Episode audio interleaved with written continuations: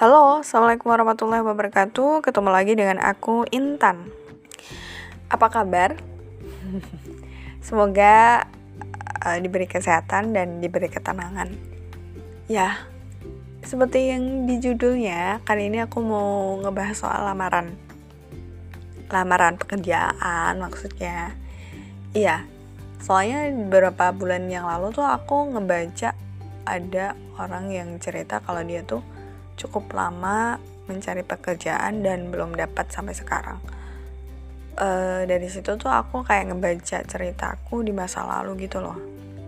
Iya, iya aku ngaku kalau aku dulu emang pernah jadi job seeker yang cukup lama. Dari situ aku uh, langsung nulis nih podcast ini. jadi materi ini terinspirasi karena itu dari situ aku mau ngomong nih sama kamu tentang beberapa hal yang mungkin kamu bisa belajar nih dari sini. Yang pertama, jangan ngebandingin dirimu dengan orang lain. Jadi mungkin ada beberapa temanmu yang kayak jalannya mulus banget, sedangkan kamu merasa diri uh, jalanmu kayak penuh duri dan batu-batuan kayak gitu, nggak ada jalan yang kebuka atau kabar gembira yang kamu dapat kayak gitu kan. Jangan ngebandingin dirimu dengan orang lain. Karena karena oh ya ini ini ini bagus banget sih.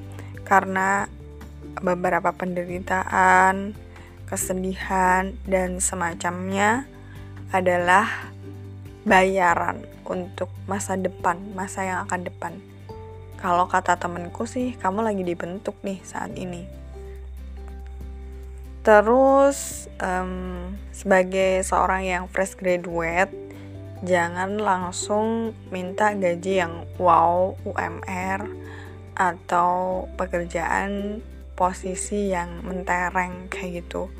Karena dulu aku emang kayak gitu, dan, dan jangan ditiru jadi karena standarku segitu aku menolak banyak banyak job yang sebenarnya itu bagus juga sih buat aku.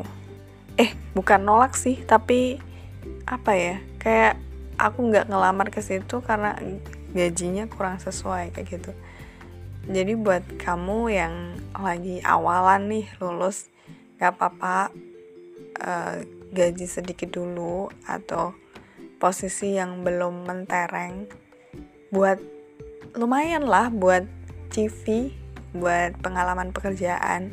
Setidaknya nanti kalau ditanya di perusahaan atau uh, instansi yang kamu impikan kamu udah ada nih pengalaman pekerjaan dan mungkin kamu bakalan diper, di dipertimbangkan.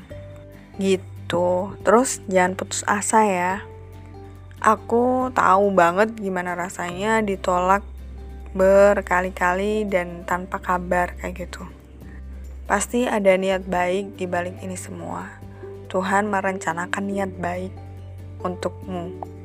Berbaik sangka, mungkin kamu gak cocok jadi karyawan, cocoknya jadi pengusaha kayak gitu. Gitu sih, dari dulu aku emang aku pikir yang baik-baik aja kayak gitu. Udah ya semoga bermanfaat.